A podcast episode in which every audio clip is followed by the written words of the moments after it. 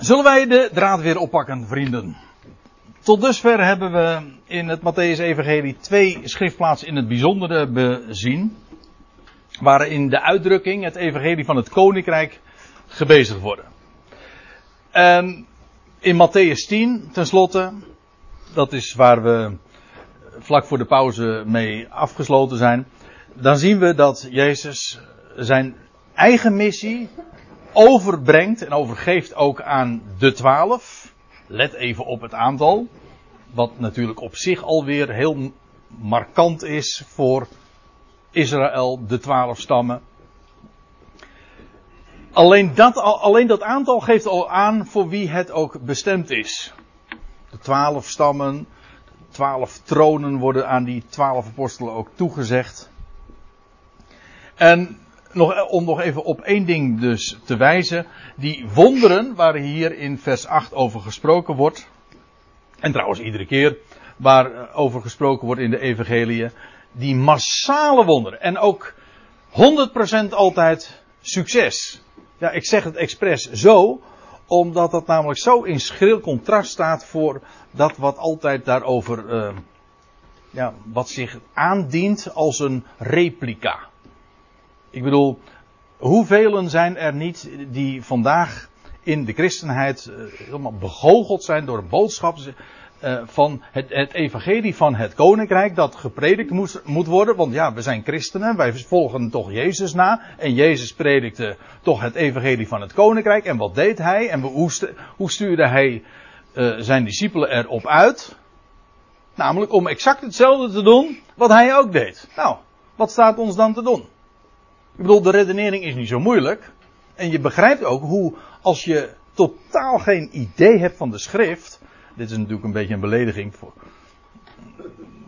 want dit suggereert uh, dat degenen die hierin trappen helemaal geen idee hebben van de schrift. Nou, je kan heel veel Bijbelkennis hebben.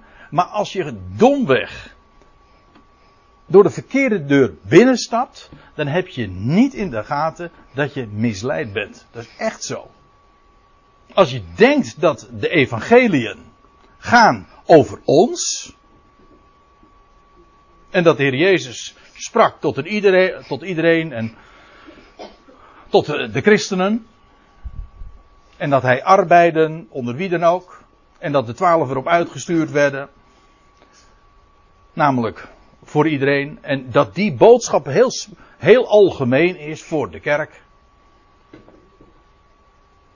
Ja, dan, dan val je met gemak in dat soort misverstanden die niet alleen maar misverstanden zijn, dat zijn zulke fatale denkfouten, zulke fatale ontsporingen. Want hoe worden mensen daardoor niet op het, totaal op het verkeerde been gezet? In de verwachting van bepaalde tekenen. En weet u wat het ellende daarvan is? Het het wordt allemaal gekoppeld aan geloof in God, vertrouwen op Hem, het vermogen dat Hij dingen toch kan. Als Hij toen dit kon, dan zou Hij dat vandaag toch ook kunnen. Als je niet weet wat de specifieke betekenis is, nou en ook de specifieke adressering, dan val je zomaar in die valkuil met als gevolg en ik, en misschien kent u ze net zo goed. En misschien bent u zelf wel uh, daar zelf een, uh, een levend voorbeeld van. Dat je daarin zo gefrustreerd raakt. Gebedsgenezing. Iemand zei eens een keer, en dat is een heel wrang grapje, wat ik nu ga zeggen. Maar het heeft al zoveel mensen van het gebed genezen. Ja, en dat is echt zo. Want je bidt tot God om genezing. En hoe geweldig is onze Heer niet? Wat deed hij niet onder het volk? En hoe, zend, hoe zond hij ook niet de zijnen uit om, om hetzelfde te doen? Nou, en wij doen dat daarna. Maar het is rollenspel. Ik, ik, ik zeg het expres zo. Het is eigenlijk een toneelstuk. Maar het is niet leuk. Het is helemaal niet leuk, want dat betekent namelijk dat je verwachtingen wekt die je niet waar kunt maken. En dat is de grote frustratie. En dat komt omdat ze geen oog hebben voor de, voor de adressering van de evangelie, voor de boodschap die de Heer, waartoe hij was uitgezonden. En hij zegt, zoals de Vader mij gezonden heeft, zo zend ik ook u, dat zei hij tegen de twaalf. Namelijk tot exact hetzelfde volk. En al die wonderen, die hier dan ook beschreven worden, maar elders ook, ze zijn niet alleen maar wonderen. Ik gaf al even voor de pauze iets dergelijks aan, maar ik wil dat nog even onderstrepen. Het zijn ook tekenen. Dat wat er aan hen gebeurde, dat was eigenlijk ook een embleem en een illustratie van wat er met het volk aan de hand was. Maar ook wat er met het volk zou gebeuren. Namelijk dat het ziende gemaakt zou worden, als het blinde betrof. Of dat het als de doven betrof, dat ze horend gemaakt zouden worden. Als er melaat, dat ze gereinigd werden daarvan. Kortom, dat zijn wonderen die stuk voor stuk ook allemaal tekenen zijn. En dat zie je trouwens dan weer herhaald in het boek Handelingen. Kortom, uh, dat is een heel algemeen fenomeen. Ik ga in, uh, in Bodegraven. Ik geef, uh, ik geef dus eens in drie weken hier Bijbelstudies, maar ook eens in drie weken in Bodegraven Bijbelstudies. En dan gaan we beginnen met Bijbelstudies over het boek Johannes. Dus ik ben wel wat al aan het verlekkeren en het, niet alleen dat, ook echt aan het studeren daar op dat, op dat boek. En dan zie je een heel zevental tekenen daar in dat boek uh, worden, die daar beschreven worden. En al die wonderen. Te beginnen bij dat wonderteken in Cana, weet u wel, op de derde dag was er een bruiloft en dat water in wijn wordt veranderd. Het is een teken. En dat is stuk voor stuk wordt dat in het boek uh, Johannes juist ook geïllustreerd en zelfs ook uitgelegd. En dat zijn schitterende dingen. Kortom, dit is maar geen theorie. Waar we het vanavond over hebben is heel essentieel. Kijk, wat ik eigenlijk vertel vanavond is dat evangelie van het koninkrijk heeft alles te maken met Israël. Nou zou je kunnen zeggen van, nou ja, dat is dan, uh, dan hebben we daar weinig eigenlijk mee te maken. Wij zijn niet uit Israël. En dat wat daar dus gezegd wordt is niet aan ons geadresseerd. Dus wat, wat zouden we eigenlijk? Waarom houden we ons er überhaupt mee bezig? Dit is juist heel belangrijk om het onderscheid te gaan zien. En om dan vervolgens ook te gaan verstaan wat wel specifiek ook voor ons bestemd is. En dit bestuderen we niet omdat, om iets af te pakken van de ander. Integendeel, het is aan hen gegeven. We laten het ook aan hen. En juist als we het aan hen ook laten, dan zie je ook de specifieke kracht ervan. En kom je ook niet in de verleiding om het je onrechtmatig toe te eigenen. En daardoor ook valse verwachtingen te wekken. En dus gefrustreerd te raken. Wie wil dat? En dan, want op dat moment heb je een goed bericht, een blijde tijding, ver, veranderd in zijn tegendeel. Dan is het helemaal geen goed bericht meer. Dan is het een, een frustrerend bericht. En zelfs een leugen. Daarom, het is zo belangrijk om de dingen ook op zijn plaats te laten. We gaan naar Matthäus 24. En Matthäus 24, dat is wel genoemd. Trouwens, in het Engels uh, wordt dat uh, nog steeds zo uh, genoemd. Dus de standaard uitdrukking heb ik begrepen daarvoor. Voor die reden die de Heer houdt, dan wordt het genoemd de tweede bergreden. The second sermon of the mountain. Zo werd het toch gezegd? Nou, terwijl ik het nu weer probeer te herinneren, weet ik het niet meer precies. Maar in elk geval, uh, de tweede bergreden. Kijk, en dat is wel mooi, want bekend is de eerste bergreden. Matthäus 5 tot en met 7. Waarin de Heer ook uitleg geeft, met recht, uitleg geeft over het koninkrijk. En de regels van het koninkrijk. Matthäus 24 gaat daar ook weer over. Ook weer een reden op de berg. Dat is niet voor niks hoor trouwens als hij op de berg zit, dan heeft dat altijd ook te maken met een verhoging. Dat is niet, dat is niet zo moeilijk toch? Dat is een verhoging. En dat heeft ook altijd weer te maken met een koninkrijk. En u vindt dat misschien een beetje ver gezocht wat ik nou zeg. Dat is, niet, dat is het niet. Want zo heb je bijvoorbeeld profetische passages waar gesproken wordt. In openbaring 17 wordt er gesproken over een stad en zeven bergen. En dan staat erbij, nee niet zeven bergen. Uh, er staat er nog bij van die zeven bergen. Dat zijn zeven koninkrijken. Een berg is een uitbeelding van, die, van een koninkrijk. Trouwens, uh, ik begon vanavond met Daniel 2. En daar lees je over dat steentje dat de aarde vulde en werd tot een grote berg. Staat er. Die de hele aarde vulde. Dat wil zeggen, het koninkrijk dat de hele aarde vult. Een verhoging. En op een berg gaf de Heer de, zijn onderwijs over het koninkrijk. In Matthäus 24, dat is een heel bekend hoofdstuk. Dat is, in mijn Bijbeltje staat erboven uh, de reden over de laatste dingen. Nou ja, of dat zo is, dat is nog maar even te, staat te bezien. Ik kom er straks nog even op terug. Maar dan gaat de Heer trouwens ook weer op de berg zitten. Dat is in dit geval de Olijfberg. En dan kijken ze uit over de stad Jeruzalem. In het bijzonder naar de geweldige tempel. Die met name dan ook gerestaureerd en verfraaid was door Herodes. Daar zien ze de, de schoonheid en de prachtige luister van die stad en vooral van die tempel. En dan zegt de Heer, er zal geen steen op de ander gelaten worden. De hele stad zal verwoest worden en die tempel in kluis. Dat trouwens in diezelfde generatie, 40 jaar later, ook daadwerkelijk vervuld is. Maar er zit nog veel meer aan, aan vast, want de Heer koppelt daarin een, een onderwijs over het einde van deze aion. En dat vind je allemaal in Matthäus 24, vers 1, 2 en 3. Nou, dat is dan de inleiding. Maar laat ik even ter zake komen. Namelijk als het gaat over het evangelie van het koninkrijk. De laatste vermelding van die uitdrukking, heel specifiek, vinden we in Matthäus 24, vers 14. Laten we daar eens naartoe gaan.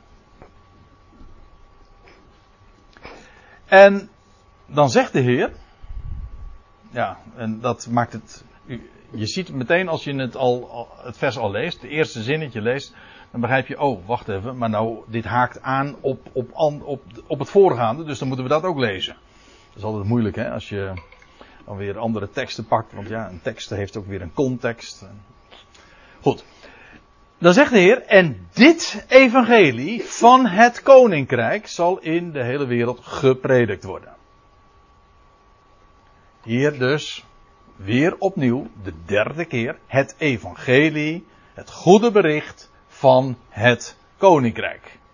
En dan zegt hij er nog iets bij. En dit evangelie. Dat verwijst dus naar iets wat hij het zojuist over gehad moet hebben. Toch? Dus, over welk evangelie heeft hij dan? Ja, van het koninkrijk, maar hij verwijst daarmee naar het voorgaande. En met recht ook het voorgaande vers. En wat lezen we daar? In Matthäus 24, vers 13. Ik kom, ik kom er nog op terug hoor, op dat vers. Maar even dit. En dit evangelie van het koninkrijk. En wat stond, waar gaat het dan over? Wel, wie volhardt, of eigenlijk wie verduurt. Dat is niet helemaal hetzelfde. Verduren is eigenlijk iets wat je passief ondergaat. De dingen die je, je en dat blijkt trouwens ook wel, want als je nog elders leest waar diezelfde uitdrukking gebezigd wordt in Matthäus 10, dan gaat het over vervolging en verdrukking en geworpen worden in de gevangenissen. Nou, dat verduur je. Dat overkomt je. En als je dat verduurt, dat wil zeggen je blijft staande. Het woord volharden is niet een juiste weergave, mijn vraag. volhouden, volhouden, volharden, dat is iets actiefs. Bij verduren praat je over de dingen die je meemaakt, die je hebt te verduren. En als je het verduurt, dan blijf je er desondanks in staande. Dat is verduren. Toch? Alleen al dat begrip verduren, dat suggereert al dat je te maken hebt met veel moeilijke omstandigheden. Nou, daar gaat het hier inderdaad ook over. Want Nou ja, eh, wat stond er ook alweer? Lees in Matthäus 24 maar erbij. Ik pak eventjes mijn bijbeltje. Ik heb er nu geen diaatje van. Maar daar staat er bij van, dan zullen zij u overleveren. Ik lees nu in vers 9 van Matthäus 24. Dan zullen zij u overleveren aan verdrukking en ze zullen u doden. En ge zult door alle volken gehaat worden om mijn naams wil. Dan, zullen, dan zullen velen ten val komen. En ze zullen elkaar overleven, elkaar haten. En vele valse profeten zullen opstaan. En velen zullen zij verleiden. Nou, omdat de wetsverachting toeneemt, zal de liefde van velen worden bekoeld, verkillen. Maar wie verduurt tot het einde, dat wil zeggen, wie onder al die omstandigheden toch dat verduurt en volhoudt, dus wel in die zin, en staande blijft, wel, dan staat erbij, die zal behouden worden. Dat is het evangelie van het koninkrijk. Dus als je nou heel concreet vraagt, wat zegt nou de Bijbel, wat is het evangelie van het koninkrijk? Nou, ik heb er nu eens al heel wat over verteld, wat zomaar voor het oprapen ligt in de Bijbel. Maar ik kan ook een heel concreet, letterlijk antwoord geven vanuit Matthäus 24, vers 14. Daar staat namelijk dit. En dit evangelie van het koninkrijk zal in de hele wereld gepredikt worden. Wat is dat evangelie? Dat is deze de boodschap. Wie volhardt, wie verduurt tot het einde, die zal gered worden. En als er hier nou gesproken wordt over het einde, waar gaat het dan over? Het einde van de Aion, ja.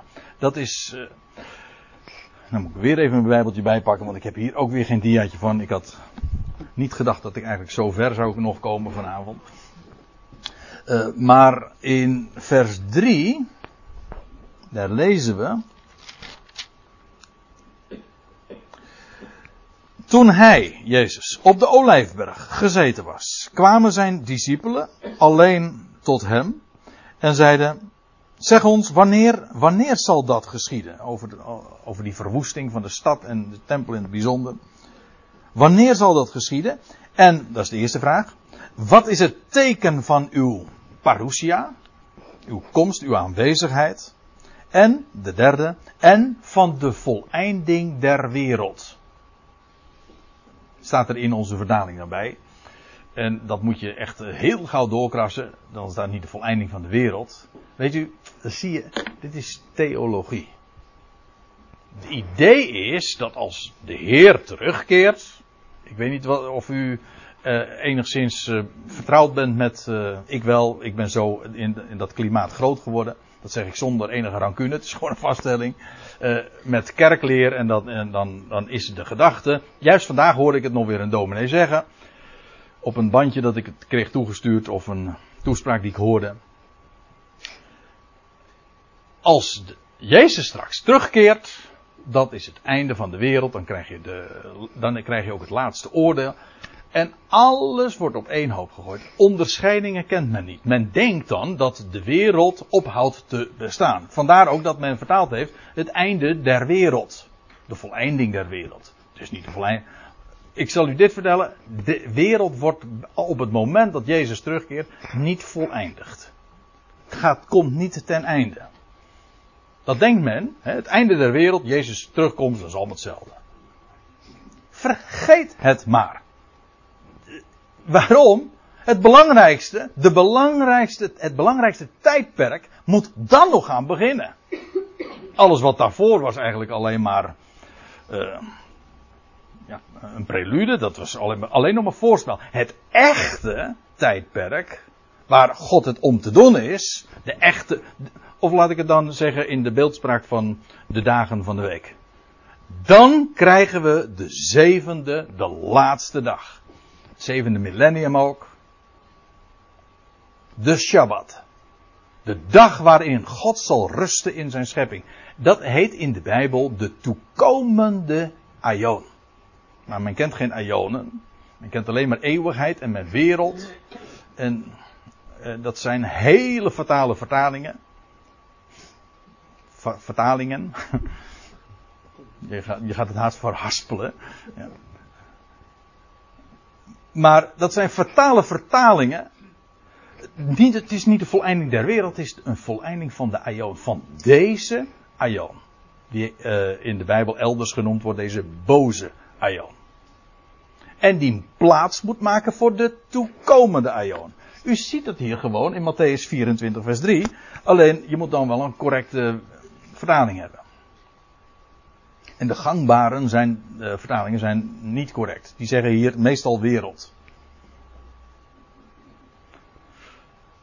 Ze hadden ook nog kunnen vertalen, wat men heel vaak uh, dan vertaalt is eeuwigheid. En dat had dan helemaal leuk geweest. Want dan snapt helemaal niemand het meer. Wat is het teken van de voleinding der eeuwigheid? Hm? Nou, dan krijg je helemaal uh, onzin. Nou ja, ik hoef daar niet uh, nu verder over uit te wijden. Er staat gewoon de voleinding van de aion. Als hier staat, wie volhardt tot het einde, of nou dat het staat er inderdaad niet, maar tot einde. Maar over welk einde wordt dan uh, gesproken? Wel over het einde of de voltooiing van de aion. Dat is het woord wat gebruikt wordt. Daarover heeft de Heer het. Dit wereldtijdperk komt ten einde en gaat plaatsmaken voor een nieuw tijdperk in deze wereld.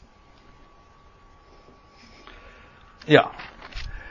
En dan begrijp je meteen nog iets, namelijk dat dat evangelie van het koninkrijk gepredikt wordt in de tijd van het einde. Namelijk de einde van deze aion. En voorafgaand, vlak voorafgaand aan het, de toekomende aion.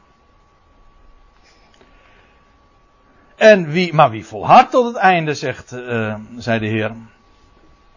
Dus wie gedurende die tijd volhardt of verduurt, wel, die zal gered worden of behouden worden. Denk aan de Oh, dat is wel een hele rare manier van. Dan zit je net kritiek te leveren op vertalingen. Dan je, kun je zelf niet eens correct Nederlands uh, schrijven. Maar goed, uh, vergeef me. Het is een eindtijdelijke setting. Het gaat namelijk over de tijd van het einde van deze aion. En weet u wat er gebeurt? Straks, aan, in het einde van deze, van deze zal Israël de boodschap weer gaan prediken. En ook eerst aan Israël gepredikt worden. En als ze verduren, dan, zal dan krijgen ze ook de belofte mee. Dat is ook het evangelie. De blijde tijding. Als je verduurt, het einde is nabij, het, de toekomende eeuw gaat beginnen. Namelijk van het koninkrijk. En dat zul je beërven. En mocht je, en dat kan dan ook nog, al mocht je inderdaad het leven laten, want de tijden zijn heel zwaar, dan zul je worden opgewekt. Ja. Ik ga het nou niet aantonen, maar dat zijn meerdere plaatsen waar dat zo rechtstreeks ook staat. Dus wie, want ja, je kan wel zeggen, ik verduur tot het einde, maar als je zelf niet, uh, als je zelf uh, om het leven gebracht wordt, en velen zullen ook omkomen, dan krijgen ze de belofte mee, je zult worden opgewekt. Zulke wonderlijke dingen praten we over. Over die tijd. En dit evangelie van, ik ga weer even terug naar dat 14e vers van eh, Matthäus 24. En dit evangelie van het koninkrijk zal in de hele wereld gepredikt worden. Gepredikt, uh, ja, geproclameerd worden. Tot een getuigenis voor alle volkeren. Ja. En dit is exact hetzelfde als wat we ook al in Matthäus 10 zagen. Nou ja, ik zeg niet helemaal juist wat we in Matthäus 10 ook zien, want deze verse hebben we net weer niet gelezen. Als Jezus in Matthäus 10 die opdracht geeft aan de twaalf om Israël bekend te maken met het nabijgekomen koninkrijk, dan wordt die opdracht vervuld in die tijd van Matthäus 24. Dat is de setting. En nou laat ik het maar gewoon voorlezen in Matthäus 10. Daar lezen we vers 17.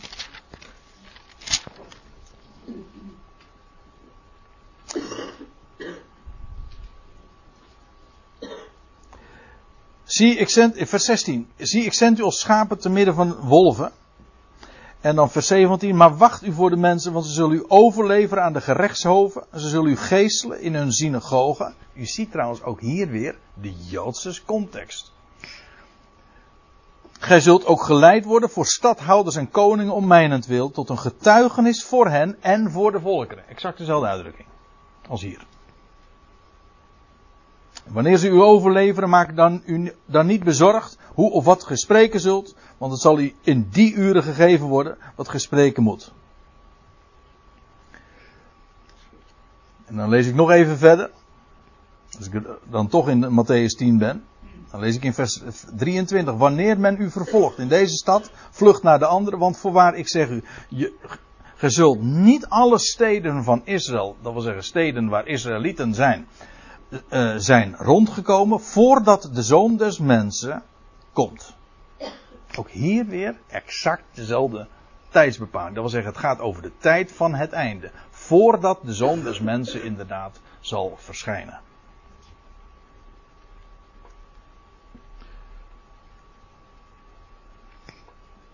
En nou was er nog een. Even kijken hoor. Nee. Ik weet dat die uitdrukking van wie volhardt of wie verduurt tot het einde, staat ook in Matthäus 10, maar ik zie nu even niet waar het staat. Het is toch niet weggelopen, hè? Welk vers? Nou ja, inderdaad. Hoe kan ik er overheen lezen? Ja, want nou lees ik vers 23, maar eh, vers 22, daar staat, en ge zult door alle gehaat worden om mijns naams wil. Maar wie verduurt tot het einde, die zal behouden worden. Dat is het evangelie van het koninkrijk. En wanneer men u vervolgt in deze stad, nou ja, dat is vers 23 wat ik zojuist voorlas. Ziet u? Matthäus 24 sluit naadloos aan bij de opdracht die de Heer aan de twaalfen gaf aan het adres van Israël. Het koninkrijk te prediken en om dat ook te laten begeleiden met, met die wondertekenen nou, die we zojuist ook al hebben eh, gezien. En nou ja, en dan staat er in Matthäus 24 ook bij, en daarin worden we dus ook weer bevestigd. Als dat gebeurd zal zijn, als het koninkrijk gepredikt zal zijn aan alle Israëlieten in eerste instantie, vervolgens ook door Israël aan de volkerenwereld, want dan worden er opnieuw weer twaalf geselecteerd. Ja, nou ja, op een andere manier. Dan krijgen we een selectie van 12 maal 12.000 zelfs. Dat is een openbaring 144.000 dus. Tel het maar na. Maar ook weer de 12 stammen. Die dan inderdaad verzegeld worden. En hen zal geen schade worden aange, kunnen aangebracht. In elk geval, zij zullen inderdaad dat eh, de boodschap van het koninkrijk ook wereldwijd prediken. Nou, over de precieze omstandigheden waarin dat allemaal gebeurt, voor zover we daar al uh, nu al heel veel zicht op kunnen hebben. Daarover, dat is nu niet het onderwerp, maar daarover gaat wel Matthäus 24. Kijk maar even uh, verder. In vers, we lezen gewoon even verder. Vers 15. Dat de Heer zegt, wanneer gij dan de gruwel van de verwoesting, waarvan door de profeet Daniel gesproken is, op de heilige plaats ziet staan.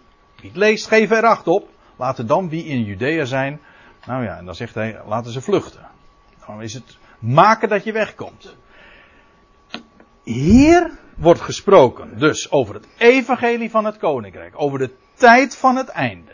In de tijd dat er, waar Daniel over gesproken heeft, namelijk dat er een gruwel, dat was een gods, afgodsbeeld in de Bijbel, van verwoesting. Dat wil zeggen een, een afgodsbeeld dat gepaard zal gaan met een enorme verwoesting. Op de heilige plaats, weet u wat het is? Nou, dat is Jeruzalem in het algemeen en het tempelplein in het bijzonder. De heilige plaats.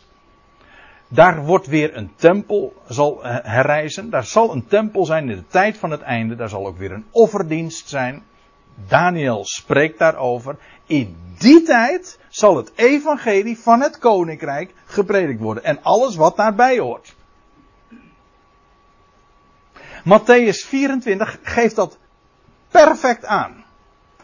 En je ziet ook meteen in welke context dat alles zijn, zijn vervulling krijgt. Namelijk, hier echt, we, we staan hier echt op Joodse bodem. Op, zal ik zeggen, op Judese bodem. In Jeruzalem. Daar heeft het allemaal mee te maken. Met die dagen. En dat is dus wat het evangelie van het koninkrijk behelst. En juist als je daarvoor zicht gaat krijgen, daar opzicht gaat krijgen, dan ga, leer je de Bijbel ook te onderscheiden. Dan weet je aan de ene kant wat voor dat volk bestemd is en hoe geweldig dat is, maar je begrijpt ook, hé, hey, wat is er vandaag dan aan de hand? Dat wordt trouwens het onderwerp voor de volgende keer. Het evangelie dat bestemd is voor Israël, dat Israël zal prediken, ja, en, en nu dan? Wij weten dat er een kink in de kabel is gekomen.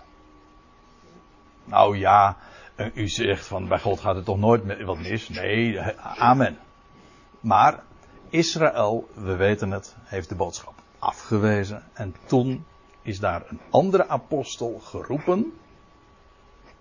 Later, een dertiende apostel, die niet tot de twaalf woorden. En die ging de boodschap van het evangelie naar de natieën brengen. Een hele unieke boodschap. Nou, dat is het onderwerp van de komende avonden. Maar voordat ik daar wat over wil vertellen, wil ik eerst even scherp stellen wat het evangelie van het koninkrijk is. En hoe specifiek en hoe exclusief dat is bestemd voor dat volk. Ik denk dat we de betekenis daarvan nauwelijks kunnen overschatten. Om dat te kunnen onderscheiden. En dat niet, zoals meestal gedaan wordt, op één hoop te gooien. Ja, nou en dan wordt het. Hoe laat is het? Ah, dan ben ik nog wel redelijk op tijd.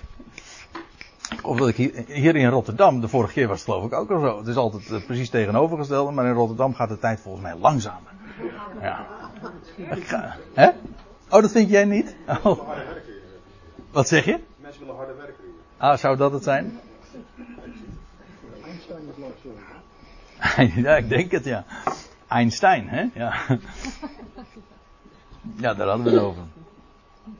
Uh, het evangelie van het koninkrijk. Nou, het wordt tijd om het uh, dan toch uh, samen te vatten.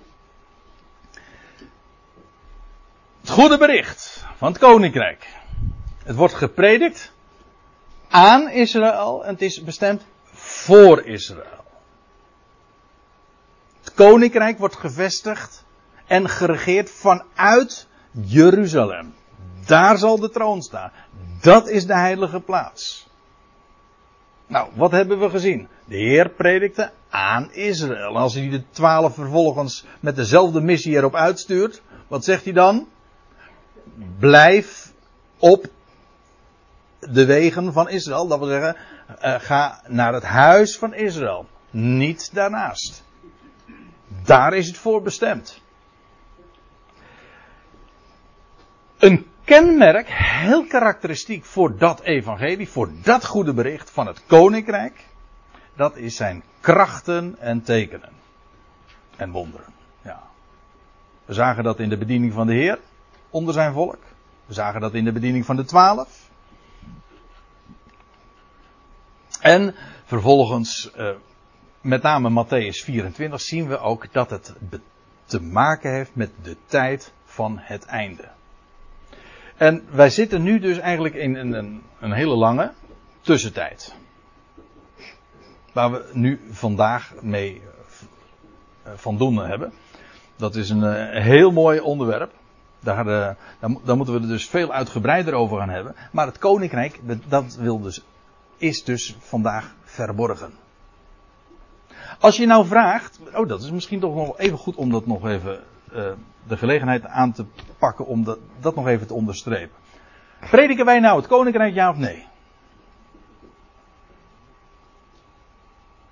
Nee. Maar wat doen we vanavond dan? we, vanavond hebben we het toch over het koninkrijk. En, en, wat er gaat, en wat er gaat gebeuren. Nou, en dan, dan, ik, dan moet ik er nog iets bij zeggen. Uh, dan lees je in, uh, in Handelingen 28, maar niet alleen daar, Handelingen 20 lees je het ook, dat Paulus ook het koninkrijk Gods predikte. In, en als hij dan in Rome gearriveerd is, in, dat is helemaal het laatste hoofdstuk, en daar in, uh, in Handelingen 28, en dan, dan is hij daar in Rome gearriveerd. Dan zijn de Joodse leidslieden daar, al daar bij hem op bezoek geweest een hele dag, en ze werden het niet eens.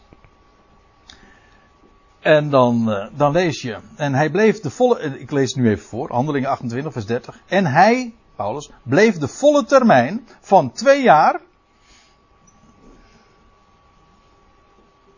sec, zeggen ze dan. Hè?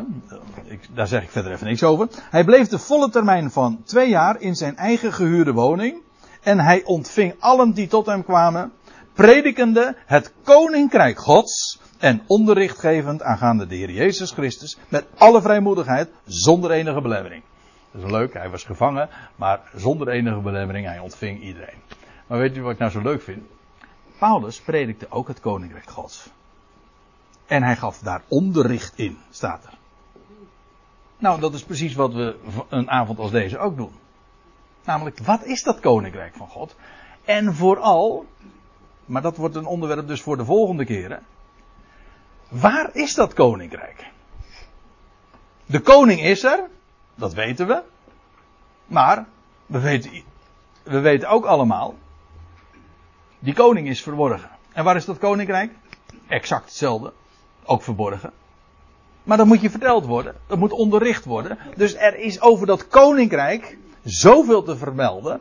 Het heeft ook, de Bijbel spreekt over de geheimenissen en de verborgenheden van het koninkrijk. Het feit dat het koninkrijk verborgen is. De koning is verborgen, zijn koninkrijk is verborgen.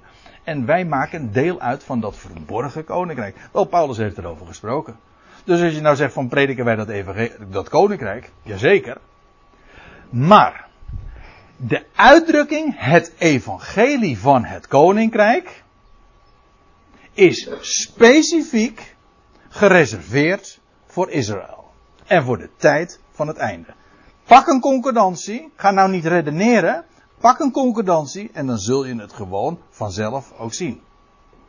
En dat heb ik juist vanavond ook willen laten zien. En ja, nou ja, de bonnetjes heb ik erbij getoond. En het is aan u verder om dat te controleren en na te gaan of deze dingen al zo zijn.